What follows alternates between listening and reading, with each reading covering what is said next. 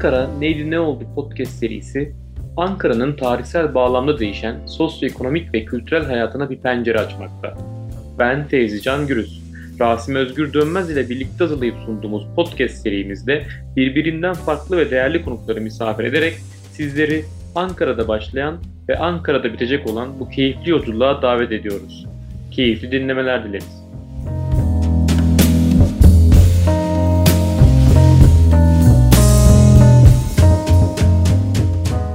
Herkese merhabalar. Ankara Neydi Ne Oldu podcast serisinde yine Rasim Özgür Dönmez ile birlikteyiz. Bugün yine çok değerli bir konuğumuz var. İnci Demirkol bizlerle birlikte.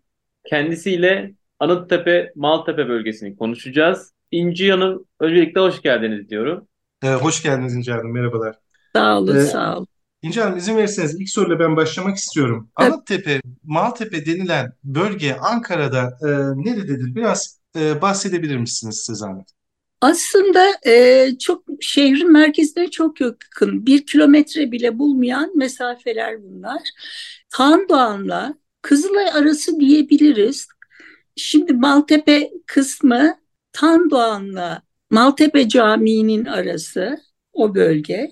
Oradaki Mustafa Kemal Bulvarı etrafındaki kısma Maltepe diyoruz. Ve ondan öncesi başka bir semt. E, Kızılay. Oradan böyle şey otobüsle ilerlerseniz ilk durak diyelim e, Maltepe Camii. Oradan ilerle Tandoğan'a kadar 6-7 duraklık bölge Maltepe. Koç yurdu, orada askeri eskiden askeri orada donatım bölgesi. O Tandoğan'dan da Anıtkabir'e ulaşırsınız. Yani Anıtkabir'in bir ucu arka kapısı şey kapısı Aslanlı kapısı diyelim Maltepe'dir. Öbür kapı Anıttepe'dir. Ee, Anıttepe'de yine Kızılay bakanlıklardan Tandoğan'a kadar ilerleyen e, Gençlik Caddesi boyunca ilerleyen bölgede Anıttepe'dir. Yani Anıtkabir'e etrafı diyebiliriz. Maltepe, Anıttepe benim de gençliğimden bu yana yani önemli olduğunu bildiğim e, ve şahitlik de ettiğim bir bölgedir. Çünkü orada Yükseliş Koleji vardı, orada e, okuyordum. Aynı zamanda da önemli Ankara eğlence hayatının ve sinema endüstrisinin de bir dönem toplandığı bir yerdi. Yani ben öyle biliyorum. Mustafa ee, Kemal Bulvarı üzerinde bir sürü sinema vardı hele eskiden. Ee, Gölbaşı sineması, Eti sineması, daha ileride de vardı. Biz oraya pek Maltepe sinemasına çok gitmezdik.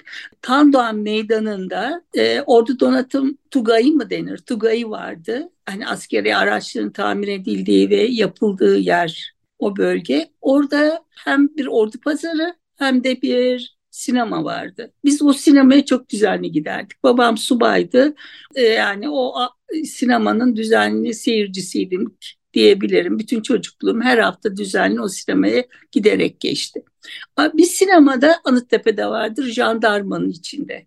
Jandarmaya da giderdik. Öyle derdik jandarma.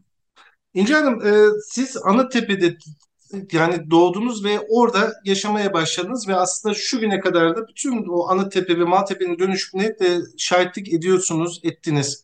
Sizin için nasıl bir yerde burası? Yani ne hissederdiniz o dönemler? Yani, yani bir geçmişe böyle bir flashback yapsak bugün ne hissediyorsunuz? Bir genel bir duygularınızı alabilir miyiz? Nasıl geçti sizin çocukluğunuz, gençliğiniz bu bölgede? Yani biraz bize anlatır mısınız? Ee, şimdi ben doğduktan hemen sonra hastane doğum evinde doğdum ve Anıttepe'ye geldim. Bütün çocukluğum, küçük çocukluğum Anıttepe'de geçti. Ve e, şöyle söyleyeyim, bizim evimiz tam Anıttepe'nin Akdeniz Caddesi yani Anıtka, Anıtkabir'e giden caddenin, Gençlik Caddesi'nden Anıtkabir'e giden caddenin tam karşısında Müjde Sokak'tır. Müjde Sokak'taydı ve arkamızda şu anda park Tepelik'te. Böyle yeşil bir alan, koş, rahatlıkla koşabiliyoruz, çimen, bir sürü bitkiyi de orada öğrendim. Annem bana anlatırdı işte şu bitki yaban gülü, böyle kendiliğinden çıkmış güller, otlar, çeşitli değişik otlar.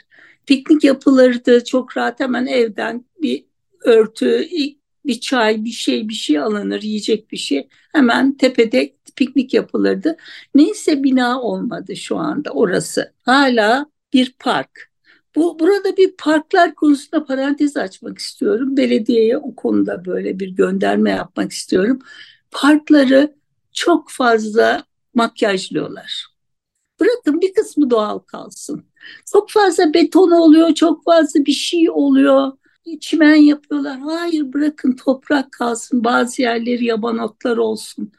Onu e, şey yapamıyorum. Yani kabullenmek istemiyorum bu kadar e, makyajlı parkları. En az makyaj parklardan biri de Anıt Park'tır. O Anıttepe'nin tepesindeki.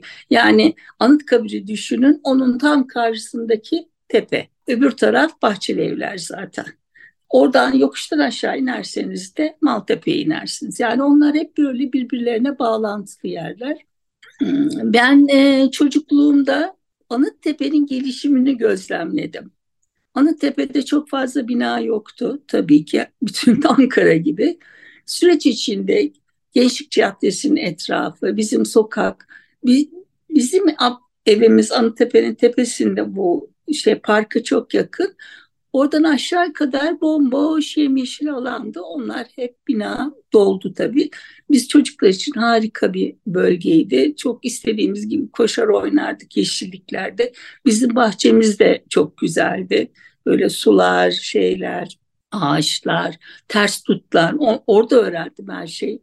Ters tut ağacı vardı. Armut ağacı Ankara armudu meşhurdur. Her yerde vardı. Tabii gariban ağaçlar hiçbir zaman olgun meyve veremiyordu. Çünkü biz biz çocuklar daha hamken hepsini yiyorduk. O armutları falan. Ee, yine ben e, ben gitmedim ama arkadaşlar erik çalmaya giderlerdi sağa sola böyle başka apartmanları. Onlar da hep Gençlik Caddesi'nin ilerisinde ilerleyen e, binalardı. Bunlar e, hepsi Anıtkabir'in yapılışından sonra filizlendi bu binalar. Süreç içinde böyle yavaş yavaş. Anıtkabir bence orada çok önemli bir faktör oldu.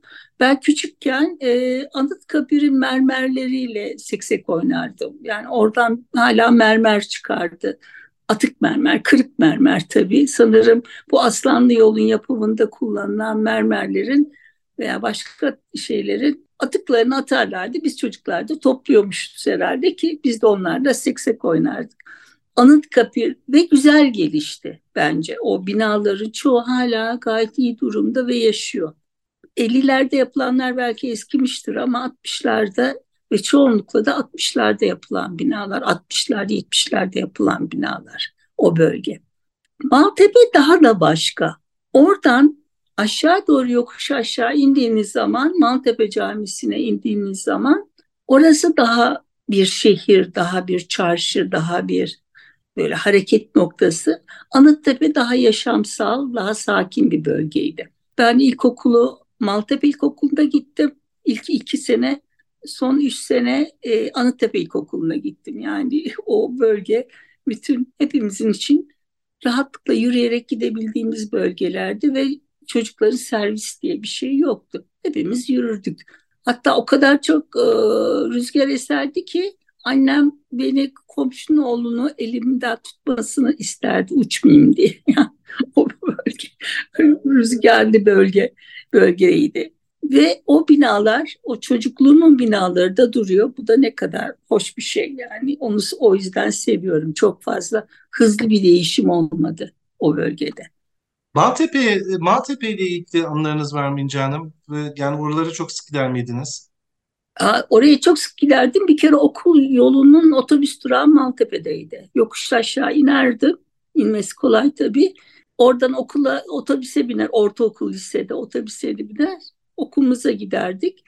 Bir arkadaşım vardı ikimiz giderdik. İnerken sorun olmazdı da çıkarken yokuş yukarı Maltepe yokuşu caminin önünden yukarı doğru Antep'e giderken sırayla birbirimizin çantasını taşırdık. Bir lambadan öbürüne. Yani o biraz şey tabii. Mesela pastanelerimiz oradaydı. Pastane, iyi pastane. Bakkallar tabii onun tepede de vardı ama Orada güzel bir iyi bir pastane vardı. İşte akşamları, yaz akşamları oraya dondurma yem, yemeye gidilirdi. Gölbaşı sinemasına gidilirdi. Ç- çocuk tiyatrosu vardı Gölbaşı sinemasının hemen yanında. Annem çocuk tiyatrosuna götürdü. Sinemada Türk filmi oynardı. Bizim aile pek Türk filmi izlemezdi o zaman. Ee, pek fazla gitmedim ama ben daha küçükken ben 53 e, doğumluyum. İşte 57'de 56'da güzel Amerikan filmlerinde oynadığını biliyorum. Gölbaşı sinemasında. İleride Maltepe sineması böyle dizilirdi sinemalar o bölgede. Sanat Anıttepe, filmleri değil, e, İti Sanat'ta oynardı galiba değil mi? Yanlış hatırlamıyorsam. O, o, o 80 artık. 80 artık değil mi? Doğru, doğru. Yani o zaman porno furyasında da pornoydu orası. Porno evet. sinema. Evet. Aşağıdaki sinemalar galiba. As ve Kerem diye bir şey galiba iki sinema vardı. Yine o orada Gölbaşı'nın sinemasında. Normal bu sinemaların değişim sürecinde e, pornoya döndüler. Sonra da evet. çok etkili olmadılar. Yani en Sonra etkili... da battılar galiba değil mi Canım? Ben öyle biliyorum. Ee, hatta Batmak değil de kapattılar artık. Kapattılar, ee, evet.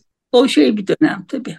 Şimdi Maltepe'nin e, bir gündüz hayatı vardır. O gündüz hayatı normal işleyişte yani işler yani ticaretin olduğu insanların gezdiği etti ama bir de Maltepe'de değil mi e, saat 11'den sonra başlayan da başka bir hayat. Yani hala da herhalde öyledir diye düşünüyorum ben. Öyle bir hayatın eğlence sektörünün orada oluşunun size kalırsa e, yani semte mekana ne gibi etkileri oldu? Yani mekan daha mı zenginleşti? Ee, yani ne yani ne düşünüyorsunuz o konu hakkında? Yani gazinoların ve işte gündüz kapalı olduğu için bizim yaşamımızı çok etkilemedi. Birkaç kez gittiğimi anımsıyorum ailemle birlikte gazino kısmına. Gazino kültürünün devam ettiği, gündüz işte bazen e, kadınlara özel matine yapıldığı, pek annem gitmez kadın matinasına. Bir iki kere gece gittik. Pavyonlarla tabii zaten çocuğum hiçbir ilişkim evet. yok ve o saatte de kapalı oluyor bizim saatimizde. Onun için pek ki öğrenci bölgesidir. Koç Koç yurdu vardı orada biliyorsunuz. Erkek yurdu Baltepe'de. Tam pavyonların karşısına filan düşer. Bilmiyorum ne kadar etkiliydi onlar. Anıttepe'de yoktu öyle bir şey. Anıttepe daha böyle orta sınıf mütevazi aile, daha çok subay çocukları, subay ailelerinin olduğu, memur ailelerinin olduğu, belki Saraçoğlu'nda ev bulamayıp orada oturanlar. E, genellikle böyle bir şey vardı. Halkı, halkı öyleydi. Daha sonra Gençlik Parkı'na, e, Akdeniz Caddesi'ne çok lüks binalar yapıldı. Ve hala duruyor binalar ve çok temiz, güzel yapıldı pek çok bina Ankara'da o kadar da temiz güzel yapılmamıştır. Ee, ve de orası ilginçtir. Sokak isimlerini biliyor musunuz? Ordular ilk hedefiniz e, Akdeniz sokakları. E, ilk hedef sokağı Akdeniz Caddesi. Bu Anıtkabir'e giden sokaklar bu şekilde isimlendirilmiştir. Haritada bakarsanız onlar böyle birbirlerine bağlantılı sokaklardır. Anıttepe'nin o bölgesi. Ee, bir de şunu hatırlıyorum anılarımda en böyle taze duran bir şey. 60 ihtilalinde ilkokul birinci sınıftaydım. Bütün çocuklar çok politiktik. Olur mu böyle olur mu diye marş söyleyerek sokaklarda, yani sokak dediğimi apartmanın etrafında dolaşırdık. Ankara çok politik bir şehir olduğu için hepimiz etkileniyoruz herhalde. Böyle çok politik çocuklardık. Ben e, ilkokul birde an, öğretmenime 60 ihtilalini anlattığımı hatırlıyorum. Ee, yani bütün apartman ev demeyeyim, bütün apartmanın her dairesinde bazı subaya, subay aileleri var, memur aileleri var. Hepsi belli bir hareketlilik içinde, enerji içindelerdi. Onu iyi hatırlıyorum. Bizim hatta ikinci taşındığımız ev Müjde Sokak'tan sonra İkinci taşındığımız evin devamı Gülhane Hastanesi'ndeydi ve subay evleri de oradaydı. Şeye daha yakın. Komutanlıklara bu evet, genel evet. oraya yakındı. Ee, özellikle 60 emeklileri, 60 emeklileri diye bir kavram vardır. Orada ev aldılar. O, e, o bölge işte böyle bir orta halli insanların devam ettiği bir bölge ve hala da o şekilde devam ediyor. Siz şu anda gidip geliyor musunuz İnce Hanım? Yani de, gezer misiniz? Antep'e gider misiniz? Antep'den geçiyorum tabii. Birkaç kez gezdim Parkaşehir. Çankaya Belediyesi'nin biliyorsunuz şey var, kültür merkezi var. Yılmaz Güney Kültür merkezi. Ve o benim bahsettiğim parkla da yan yana. Bizim eski evimizin yanında aslında hemen arkasında çok yakın. Ee, şeye gitti, kültür merkezine gittiğim zaman bir etrafıma gö- göz atıyorum. O bölgeden geçiyorum ama şu anda daha çok Çankaya bölgesi, Gazi Osman Paşa falan o tarafta, orandayım şu anda. Açık hava sineması olarak da çok da düzenli açık havaya gittiğimizi hatırlıyorum. Yine Tandoğan Meydanı'ndaki Ordu Donatım'ın bir bölgesi de açık hava sinemasıydı.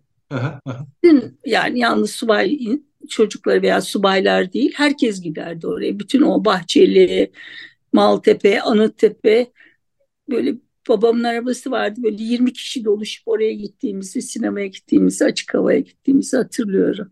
Çok da iyi filmler gösterilirdi. Yani vizyondaki filmler bir hafta sonra oraya gelirdi. Çok düzenli gidilirdi o yüzden. Peki nasıl görüyorsunuz? Bundan sonra ne olur Maltepe, Anıttepe bölgesini yani bir projeksiyon yapsanız bir 10 sene 15 sene sonra diyelim. Yani nasıl olacağını düşünüyorsunuz?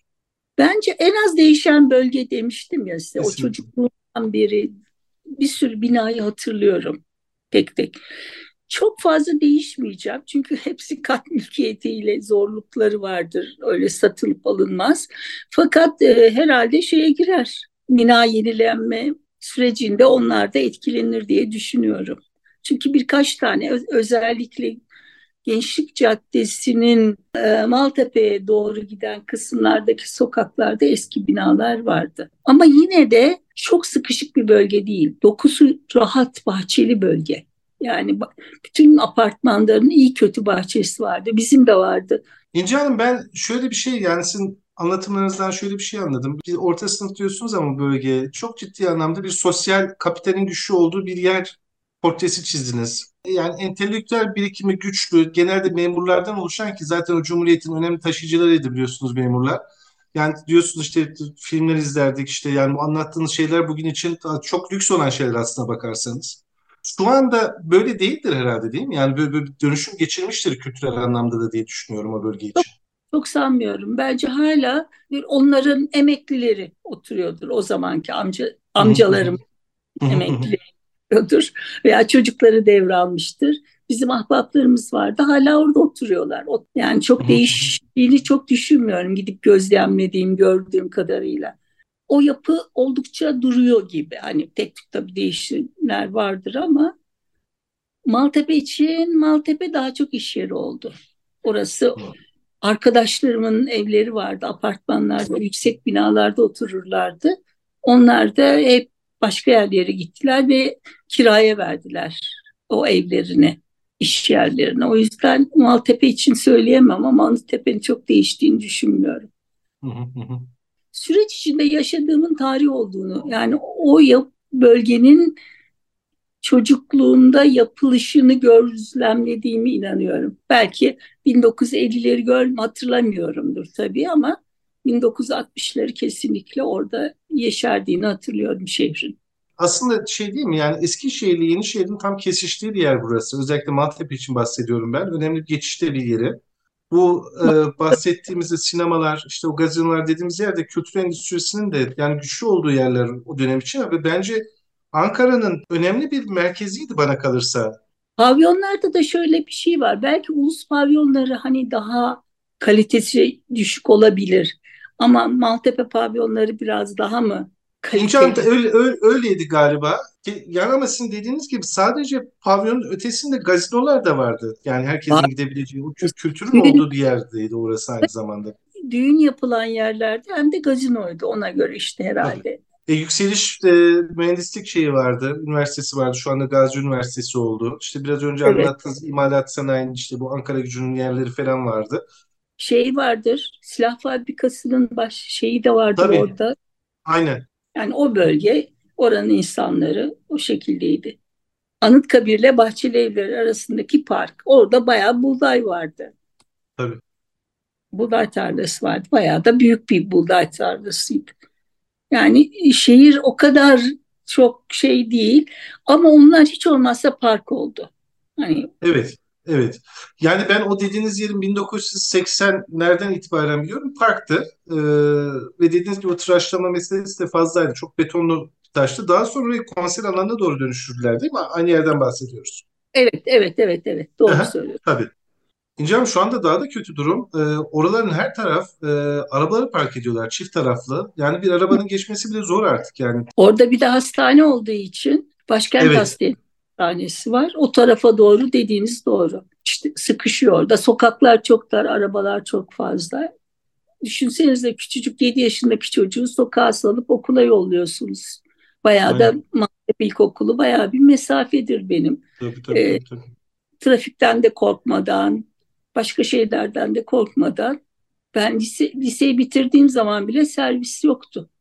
İnce Hanım çok teşekkür ederiz ya. Vallahi ağzınıza sağlık. Yani ben bayağı biz bu hattı vermiş olduk sizin anılarınız üzerinden.